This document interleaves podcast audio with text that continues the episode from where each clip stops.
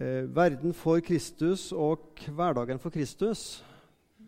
I møteplanleggingsgruppa så legger vi planer for eh, halvt år om gangen eller noen måneder om gangen hva som skal være tema. Og fra januar og fram til og med i dag så er det verden for Kristus som er hovedtema. Verden for Kristus. Eh, jeg har hørt gjennom de talene som har vært i løpet av disse tre månedene. Og Det håper jeg du også har gjort. På Fellesmeien som kommer ut hver onsdag, så ligger det en linke til iallfall de to siste talene. Jeg skal veldig kort nevne tre av talene som jeg vil oppfordre deg veldig sterkt til å høre enten for første gang eller om igjen hvis du allerede har hørt dem. For de hadde veldig mye flott med seg. Det hadde andre også, men nå nevner jeg tre stykker. Det første det er fra i januar så snakka Arnt Magne Granberg om over dette temaet. Og Han snakka om at for han så var Norge hans misjonsland. Norge mitt himland, som han sa på sitt haugalandsspråk. Han snakka om erfaringer og opplevelser fra oppveksten i Ølensvåg eh, og familie etter han kom til troa. Han snakka om det her, viktigheten av å ha et hjerteforhold, det å leve i bønn, og det at vi som misjonsfolk må være langsynte. Vi må ha syn for dem der ute. For eh, ca. en måned siden så eh, snakka Helga Røyland her og fortalte om sine opplevelser fra barndommens bedehus i Indre Erfjord. Da hun sju-åtte år gammel som jente opplevde rett og slett misjonærkallet. Og at hun i ungdommen uh, møtte dette bibelverset 'Han er en soning for våre synder'. Ja, ikke bare for våre, men for hele verdens synder. Og da kjente hun misjonærkallet vokse fram med henne igjen. Hun gikk på videregående på Bryne, møtte daværende generalsekretær som var 32 år, som heter Egil Granhagen, og snakka med han. Nå gjengir jeg det hun sjøl har sagt, så det er jo ikke noe intern, eh, ikke sånn fortrolig informasjon. Jeg bare sier det som hun sa herifra for en måned siden. Og Hun fortalte at hun kjente på et kall til å reise ut, men at kjæresten eh, ikke kjente det helt på samme måten. Og Egil Granhagen sa til henne du må velge kallet eller gutten. Og gutten heter Arnfinn. Så fikk de snakka sammen, og så vet vi resten av historien. Han er også kjent på misjonærkallet, og de reiste ut og ble gift. og Vi kjenner den historien. En fantastisk flott tale Helga holdt der. Den må du unne deg å høre. Og Forrige søndag så var det Terje Eggebø som snakka om sin morfar, bestefaren Sven Folløen, en opprørsk lekpredikant, om arven fra de åndelige fedrene om radikaliteten som prega Kinamisjonsforbundet og NLM på den tida. En radikalitet vi må be om at vi må få eie i dag også. Alle disse talene finner du på misjonssalen.no. Så trykker du på der det står 'media', og da kommer opp også der det står 'taler'. Så scroller du litt lenger ned på sida, og så ser det sånn som det der ut. Så ligger det link til alle talene som er holdt i denne serien om verden for Kristus. Alle disse, både Arnt Magne, Helga og Terje, var personlig, eller Terje mest på vegne av eh, morfaren. Eh, jeg kommer ikke til å være så veldig personlig i dag, men prøv å si noe om hva vi i Misjonssalen trenger å ta tak i, sånn som jeg ser det. Hva vi trenger å bli utfordra på, og det er sikkert mange ting. Så har jeg tenkt verden for Kristus. Det virker så svært. ja. Marit og Leif og Inger og Knut Reier og de andre misjonærene de tar seg av verden for Kristus. Ja. Og så er det Sandnes for Kristus, Norge for Kristus, det er Sandnes for Kristus. Det er min arbeidsplass for Kristus. For meg er det rimelig enkelt, for alle jeg jobber med, de kjenner Jesu Kristi navn.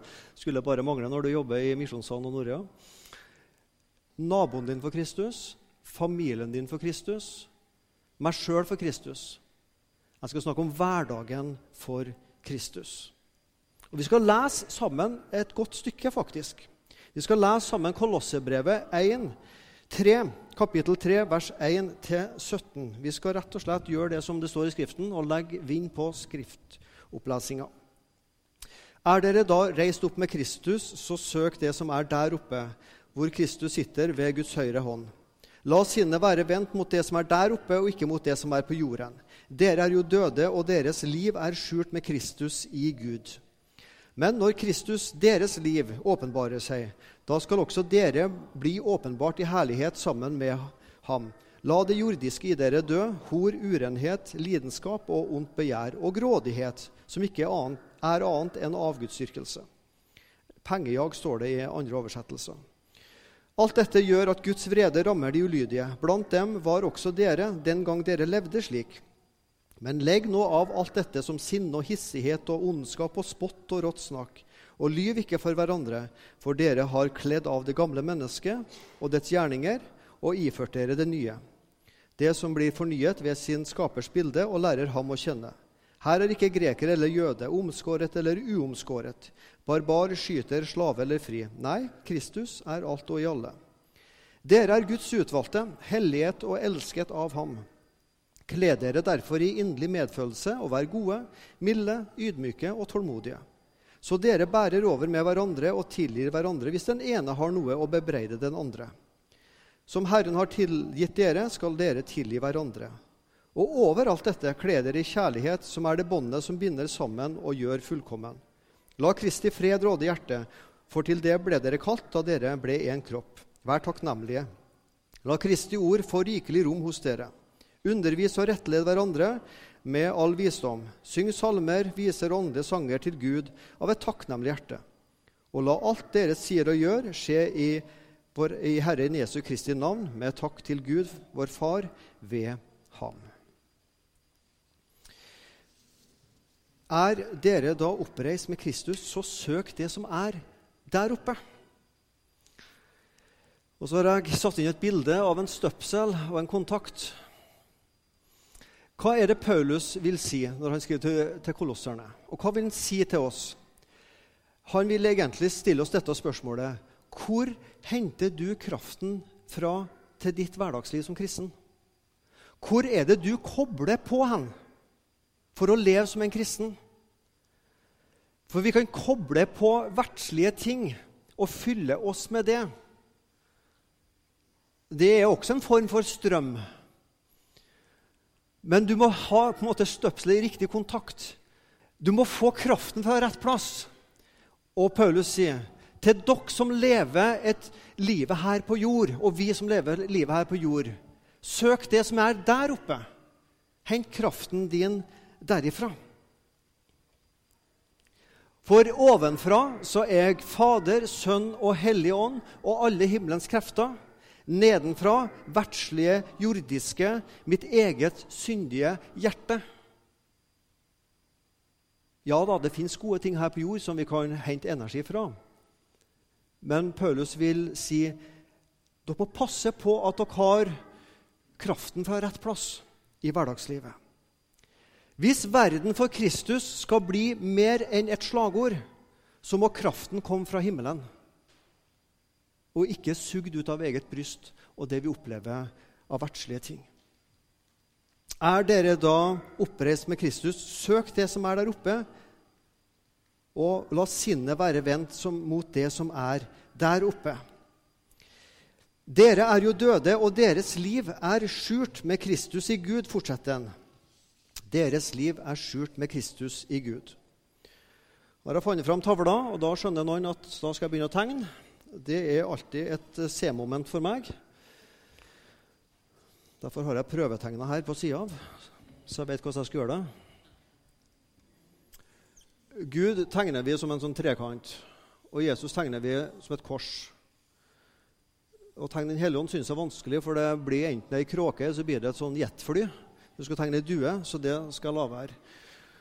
Men ja, sånn er det for meg. Vi er skjult med Kristus i Gud. Hvis vi tenker Guds vrede over synd, så treffer det korset, og så går jeg fri. Sånn kan vi tenke om oss sjøl. Vi er skjult. En annen måte å tenke det på, det er denne måten her. Jeg er i Kristus, jeg er i Gud. Når Gud ser meg, så ser han Jesus. Når Jesus, Gud ser Jesus, så skjer han også meg i Jesus Kristus. Mitt liv er skjult med Kristus i Gud. Er ikke det bra? Å ha et skjult liv. Vi vil jo ha et åpent liv, et ærlig liv.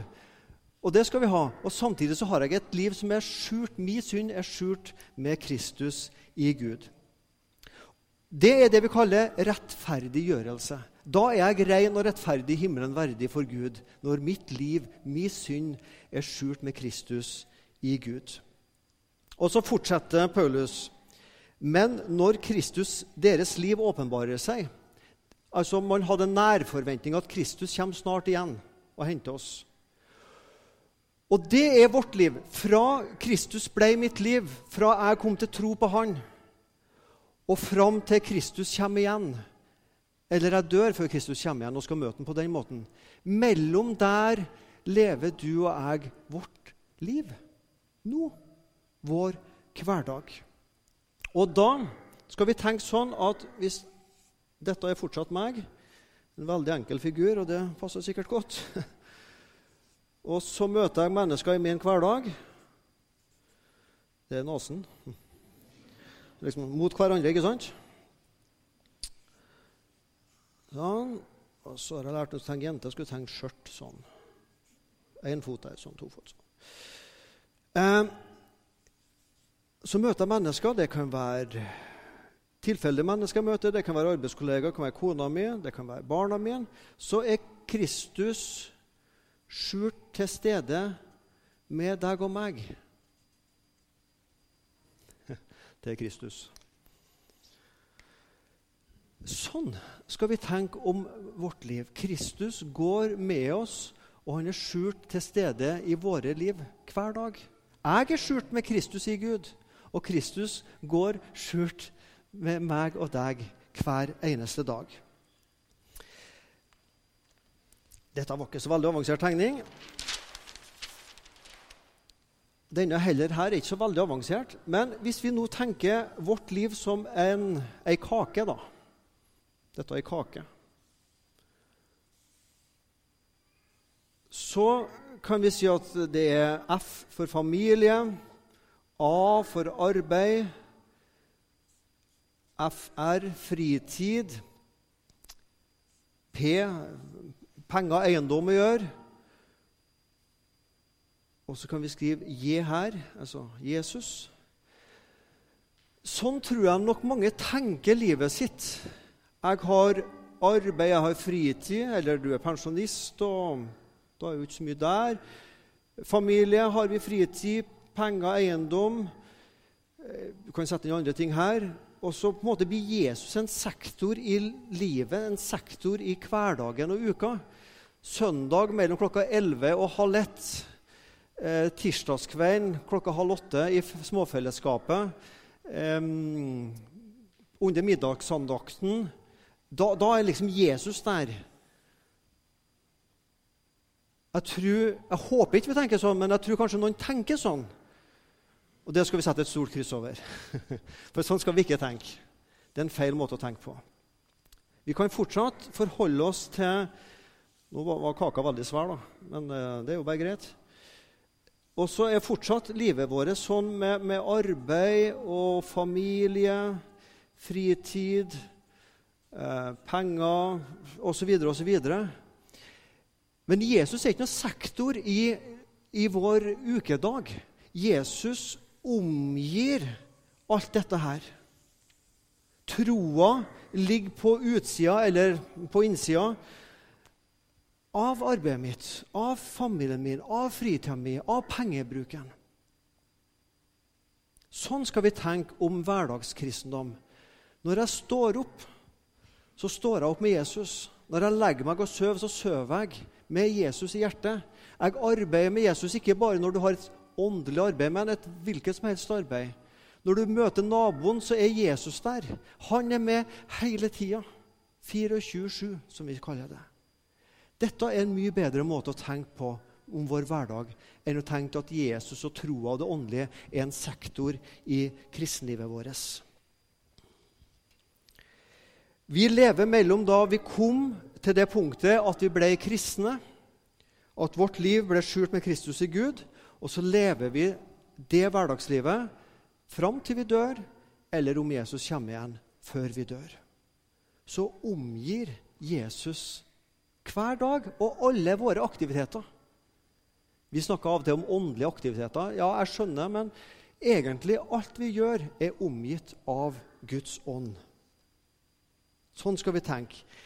Det fins ingen sektor i livet hvor Jesus ikke er velkommen inn. Men i alle ting jeg foretar meg i livet, og i alle relasjoner du og jeg står i, mennesker vi møter, så vil Jesus være med. La det jordiske i dere dø, fortsetter Paulus til kolosserne. Og Så nevner han hor, urenhet, lidenskap, ondt begjær, grådighet eller pengedyrkelse. Litt lenger ned så snakker han om å sinne og hissighet og ondskap, spott og rått snakk. Dette er jordiske ting. Og, og det som er sant, tragisk, men sant, det er jo at ingen av de tingene der trenger jeg å lære meg. Det ligger naturlig i meg. Det er de gode tingene jeg trenger å lære meg. Har du no, som foreldre noen gang tenkt at du skal lære barna dine å lyge eller å stjele?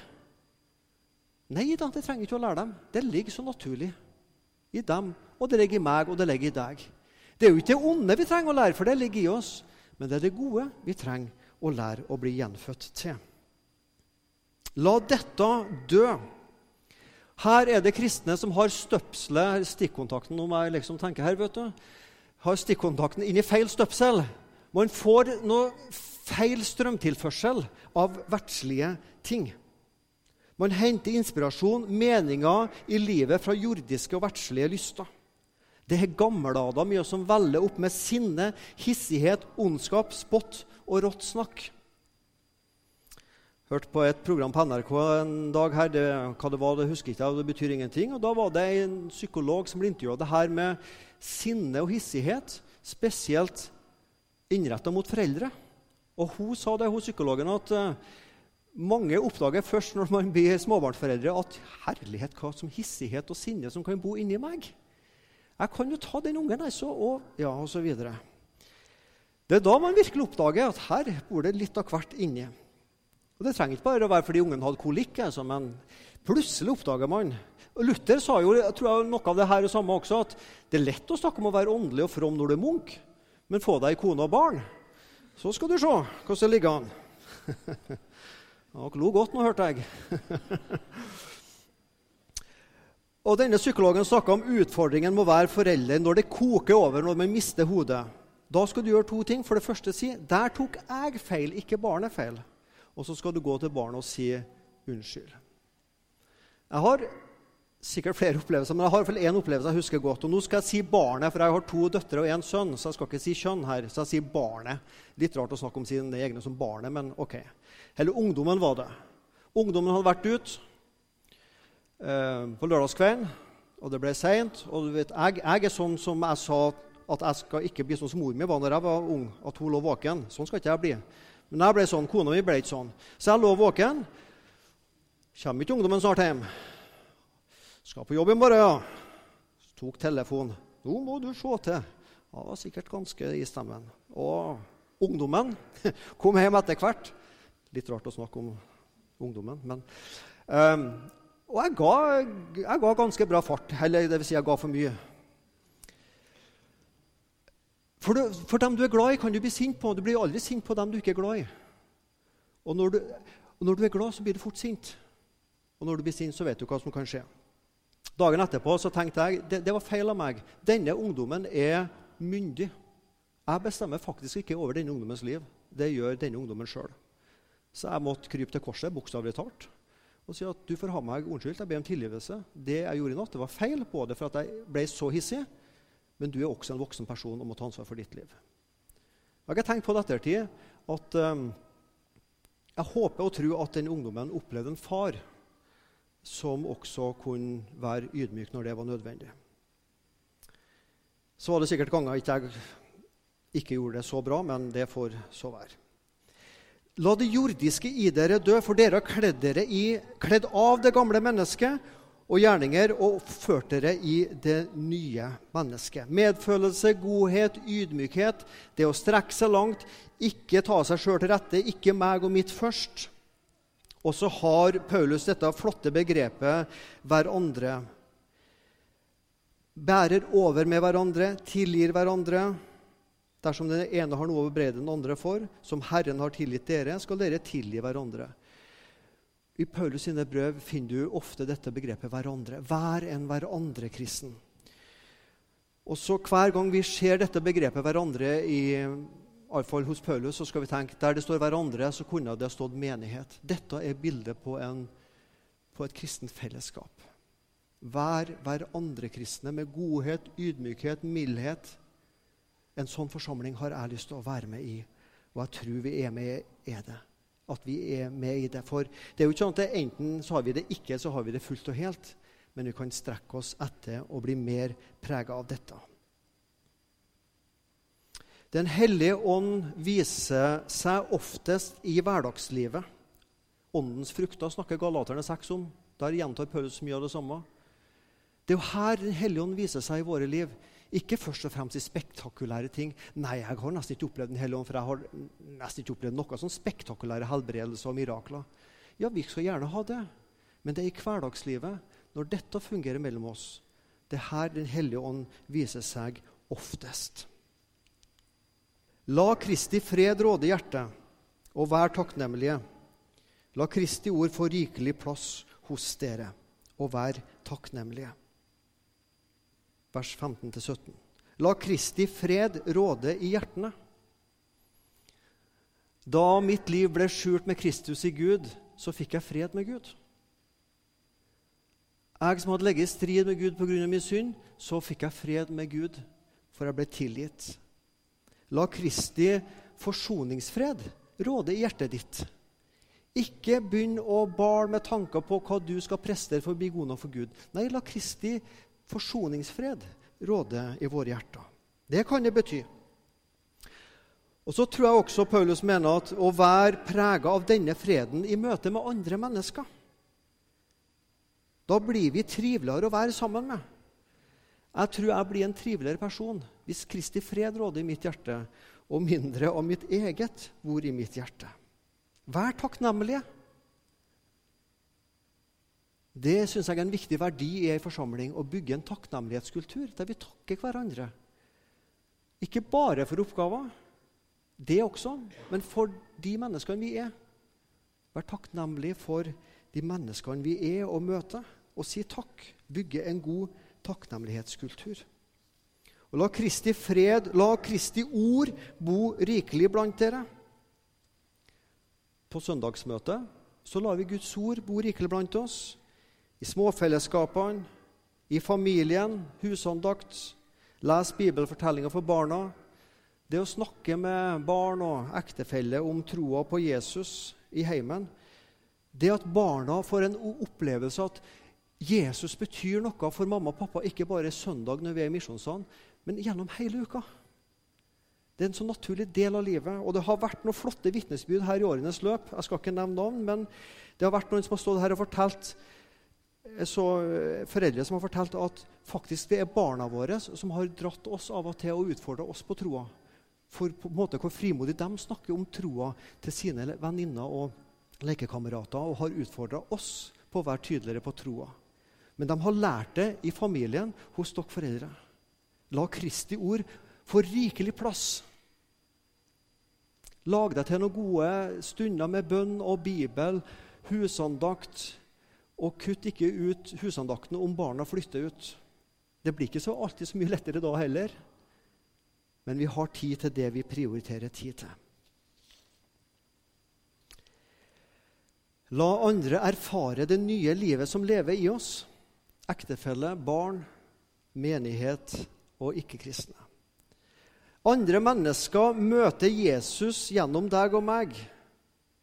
Ikke-kristne møter Jesus gjennom deg og meg. Vi er deres bibel. Det syns jeg er en skremmende tanke. Og Samtidig så er det sant. Så er det en utfordrende tanke, og det er et kall i det til å være lys og salt i verden. Du er lys og salt dem, til dem du møter, til dine naboer og arbeidskollegaer. Det er gjennom deg de møter Jesus. Jeg skal fortelle dere en historie om Anne Lise og Tom Konradsen og barna Bente, Sigurd og Atle. Noen av dere har hørt den historien før, men jeg skal fortelle den igjen. Jeg skal ta tida til det. Og den til at jeg forteller, Det er to grunner til at jeg forteller den i dag. Anne Lise og Tom Konradsen de flytta fra Harstad til Sandnes i 2010 pga. jobb. Anne Lise er en sykepleier på SUS, og Tom han er ingeniør i Eibel på Forus. Da de flytta hit til Sandnes, så hadde de et ikke-forhold verken til menighet, Jesus eller den kristne troa. Jeg har snakka med dem, og begge sa det at kirke det var noe vi besøkte på noen julaftener og i begravelser. Hvorfor skulle vi ellers gå der når vi ikke kjente noen, og heller ikke trodde på det som ble fortalt? Ingen på deres alder, kirke og bedehus. Det var inntrykket deres at det var få og eldre mennesker. De virka ikke særlig tiltrekkende på oss, sa de. Anne Lise sa da jeg var mindre, var jeg med i et barnekor i en frimenighet. Kjekt og gode minner. Men det ble ikke mer med det da jeg ble ungdom. Det virka litt kjedelig, det der å være en kristen. Jeg spurte dem hva tenker dere om kristen tro før dere sjøl ble kristne. Egentlig lite, sier Tom. Kristen tro passa ikke inn i mitt verdensbilde jeg hadde fra studier og høyskole. Hvordan verden ble til og henger sammen. I mitt syn på virkeligheten så var det ikke plass til det her med tro og Jesus. Jeg er en realist og tror på vitenskapen. Anne Lise sa greit nok for oss at noen vil, være, vil tro på det her med Jesus. Vi var ikke motstandere, bare likegyldige til det her som har med kirke og tro å gjøre. Så betydde det selvfølgelig en god del for dem at de ikke kjente noen kristne, og dermed ble det her med kirke og tro bare uaktuelt. Ikke gå i kirke, ikke døp barna. Og som de sa, vi savna det ikke. Hva fikk dere til å orientere dere mot den kristne tro og menigheten, spør jeg om. Så blir det stille noen sekunder før Anne Lise tar ordet. Egentlig så starta det med en kul, sier hun. En kul, sier jeg. ja, jeg oppdaga en kul på kroppen som jeg som sykepleier visste ikke skulle være der. Det viste seg å være en kreftsvulst. Hun stoppa litt opp før hun fortsetter. Livet stoppa liksom opp. Usikkerhet og frykt. Det ble cellekur og stråling. Kreften ble synlig for alle da jeg mista håret. Annelise er en utadvendt person og er ikke redd å fortelle om kreften. På et foreldremøte til den min største gutten møtte hun opp og sa litt om det her, og hun møtte ei mor som går i misjonssalen. Jeg la merke til hvor respektfullt hun lytta til, eh, til, meg. Det opplevdes utrolig godt å snakke med henne, sier Anne Lise. Hun var på ingen måte overfladisk, men lytta interessert til det som jeg hadde å fortelle. Da jeg gikk hjem fra det foreldremøtet, tenkte jeg at slike mennesker som hun har jeg lyst til å bli bedre kjent med. Vi hadde på den tida lite nettverk i Sandnes, siden vår familie bor nordpå, i Harstad. Et par uker senere så var Tom med sønnen på fotballtrening, og tilfeldig, eller kanskje helst gudfeldig, ble han stående ved siden av mannen til hun som Anne Lise hadde snakka med. Begge familiene hadde sønner i samme klasse, og Tom sier vi snakka om løst og fast, fotball, skole og fritidsinteresser. Han fortalte meg at han og familien var engasjert i kristent arbeid. På den tida her så ble Tom permittert fra jobben i Aibel pga. Eh, oljekrisa i Rogaland. Sjøl om eh, Tom er nordlending, så er han en introvert og stille av natur. Utrolig nok, men sant. Anne Lise derimot er nesten uten bremser, kan fortelle om kreftsykdommen til arbeidskollegaer så ble, tåne, så ble, Tom gående hjemme og ønska egentlig heller ikke å ha noen å snakke med om arbeidsledigheten. Som mann følte jeg, at, følte jeg det som et tap å være, å være permittert. Det gikk på sjølfølelsen løs, som man sier det. Sykdom, permittering, det ble vanskelig å takle. Men samtidig så førte Anne Lise og Tom nærmere sammen. Ekteparet de hadde møtt på foreldremøtet på skolen og på fotballtreninga til gutten, går i misjonssalen. Disse snakka seg imellom om eh, de hadde, at de begge to hadde møtt av foreldrene til Sigurd. Og lang historie kort, De tok mot til seg og ringte Anne-Lise og Tom og inviterte dem hjem til seg en søndag ettermiddag på kaffe for å bli bedre kjent. Dette ble egentlig for oss, dette ble egentlig for oss som ektepar det første møtet med bekjennende kristne, sier Anne-Lise. Vi hadde skjønt at disse var kristne ut fra det de fortalte, det de var med på. Men, men, den første gangen vi besøkte dem, ble det ikke snakka veldig mye om Jesus og troa. Samtalen den ettermiddagen handla mest om barn, hvordan det var å flytte fra Harstad til Sandnes, om ferieturer, litt om fritidsinteresser. og selvfølgelig om fotball, sitt Tom. Det, likevel, det, som likevel sitter aller mest igjen fra første gang vi snakka, var hvor åpne og naturlige de var. Lyttende og virkelig interessert i vår livssituasjon med bl.a. sykdom. Jeg husker jeg sa til Anne Lise da vi dro hjem, at slike mennesker må være gode å ha som venner. Det var liksom noe godt med dem, både hvordan de snakka og hvordan de var mot oss. Og ikke minst, barna hadde helt topp sammen. De, så sier Tom, de hadde gildt som jeg har lært at det heter her i Rogaland. Det ble flere kaffebesøk mellom Anne Lise Tom og barna og den familien som går i misjonssalen.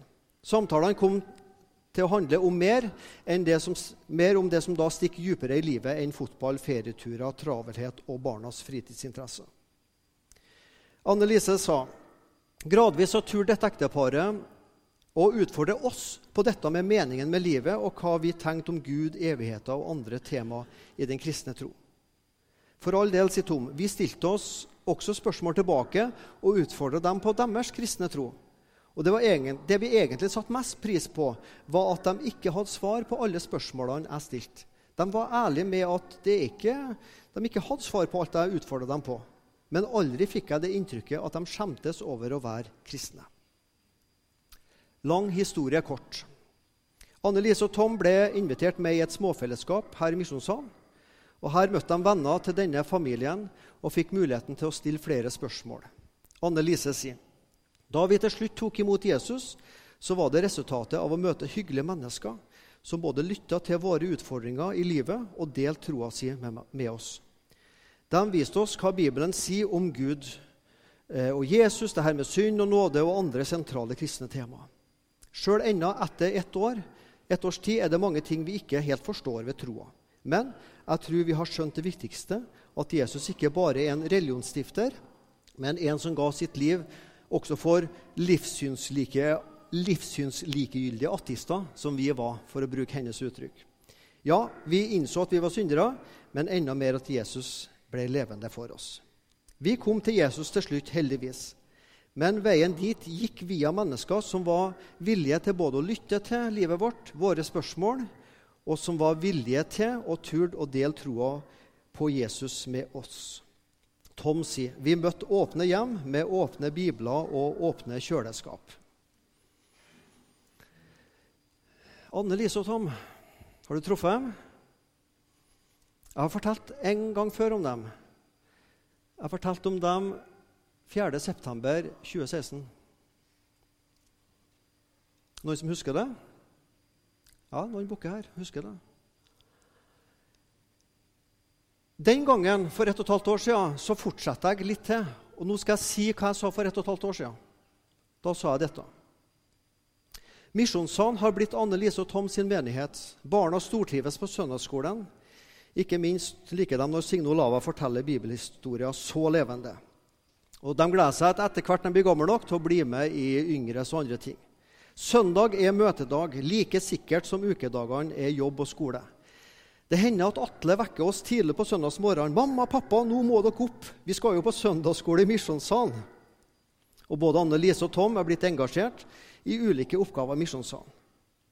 Så sier de både på søndagsmøtene og i småfellesskapene lærer vi mer om å troa vår og Jesus. Vi kan ikke klare oss uten søndagsmøtene og bibelgruppa. Og det beste av alt, de har sjøl blitt bevisste kristne på å dele troa. Gjennom jobben sin og i møte med foreldre til skolevennene til barna har de begynt å dele troa nå med nye, og har nå invitert to nye par og ei enslig mor hit til Misjonssalen. Har du snakka med Annelise og Tom?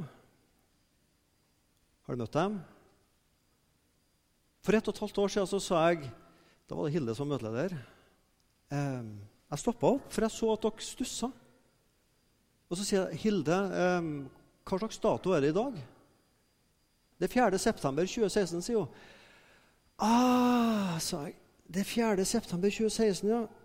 Jeg har tatt med meg feil preike. For dette er jo preika for mars 2018, sa jeg. Nå har det gått ett og et halvt år. Nå tar jeg fram historien igjen om Anne Lise og Tom. De fins ikke.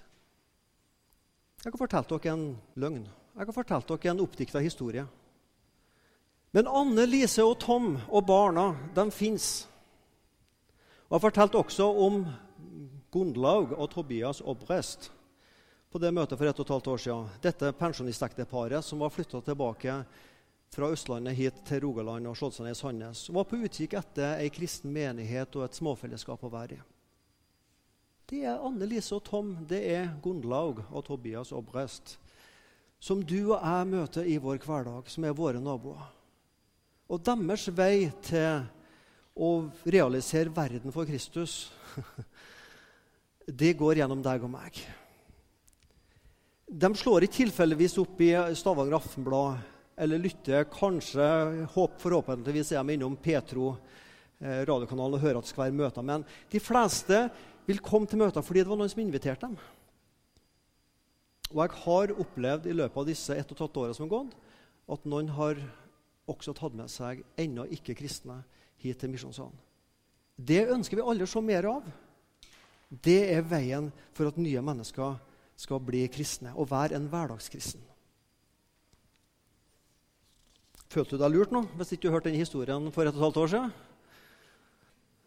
Jeg syns jeg var god å fortelle. Laga en god historie der. Men disse historiene skal vi se realisert, folkens. Vi kan sitte og tenke nå, ja, ja, det var kjekt, dette her, men dette skal vi se realisert. Dette er veien til vekst. Verden for Kristus, Sandnes for Kristus, Misjonssand for Kristus. Menighetsvekst det er barnefødsler, biologisk kirkevekst. Det er overflyttingsvekst. Noen flytter fra Østlandet hit, eller noen flytter herifra til Arendal, eller noen flytter fra Harstad til Bergen. ikke sant? Så blir det to mindre der og to mer der. Men reell kirkevekst er når mennesker kommer til tro på Jesus Kristus. Og det skjer gjennom oss når vi deler troa vår. Søk det som er der oppe. Verden for Kristus er de unådde for Kristus. Det er Indrebø i norske skolen i Nairobi. Disse kjenner vi. Disse er med å realisere verden for Kristus. Misjon enten må vi sjøl gå, eller så må andre gå for oss. Det er valget. Enten må du gå sjøl, og kan ikke du gå sjøl, og var ikke meninga at du skulle gå sjøl, så må du sende andre for deg. Marit og Leif Indrebø er våre utsendinger. Da går du inn på misjonshavn.no. Men les om arbeidet Marit og Leif står i, og Inge og Knut Reier. Tre minutter, så er jeg ferdig. Jeg vil ta med dette her også. Fordi Dette er litt annet fokus, men det handler om det her med å søke det som er der oppe. For uh, ca. to uker siden så satt jeg og så på begravelse på TV. Det er sjelden jeg gjør. Men jeg fulgte med en hel time da Billy Graham ble begravd. Det var en kjempeopplevelse å oppleve den begravelsen. En dag vil du lese eller høre at Billy Graham er død. Ikke tro det. Jeg vil være mer levende enn noen gang. Jeg har bare forandret adressen min. Jeg har kommet inn i Guds nærvær. Det er et av disse fantastiske statementene fra Billy Graham som vil bli stående. Han søkte det som var der oppe, og han var veldig bevisst i møte med folk når han preika. Han var en evangelist på en helt annen måte enn meg. Men han var en evangelist som på en fantastisk måte klarte å, å male Kristus for mennesker, sånn at millioner av mennesker kom til tro på Jesus. Det er nå så. Men dette Billy sier her, det er at midt i vår jordiske vandring og leve som en hverdagskristen, så skal vi være oss bevisst jeg har et heimland. Dette er ikke min adresse. Dette er ikke min permanente adresse. En dag så skal min adresse sannsynligvis være på en gravlund en plass. Men dette er min egentlige adresse, Hallelujagaten 777. Ikke sant? Det er der vi skal leve for evig. Dette er å søke det som er der oppe, og ikke tenke at livet nå det er å få mest mulig ut av jordiske ting her og nå. Livet er å leve med Kristus og være kobla på Han for hverdagen, men også kobla på Kristus, for det er dit vi skal. Det er det det er der som er vår endestasjon. Det er det som er de gode nyhetene vi har å dele med mennesker. Det er dit vi kan komme hvis vi kjenner Jesu Kristi, som ga sitt liv for oss. For så høyt har Gud elsket verden, at han ga sin sønn den enbårne, for at hver den som tror på ham, ikke skal gå fortapt i et helvete, men ha evig liv i himmelen. Jeg kom ikke for å dømme verden, sa Jesus, men jeg kom for å frelse verden. Kjære Herre Jesus Kristus. takk for vi får stå i et stort kall, verden for Kristus. Får du fortelle meg hva som er mitt kall? Naboen for Kristus, mine muslimske naboer, eller mine ikke-kristne i familie og slekt. Dem jeg møter på, og du får vise hver enkelt her i Misjonssalen Jesus hvem de skal dele troa først og fremst med. Og takk for vi får stå i et felles kall med de misjonærene vi sender ut, og nå virkelig verden for Kristus. Takk for at ditt rike går fram. Og takk for vi egentlig ikke har noen grunn til å være mismodige, sjøl om vi av og til syns at noen piler peker nedover her i Norge.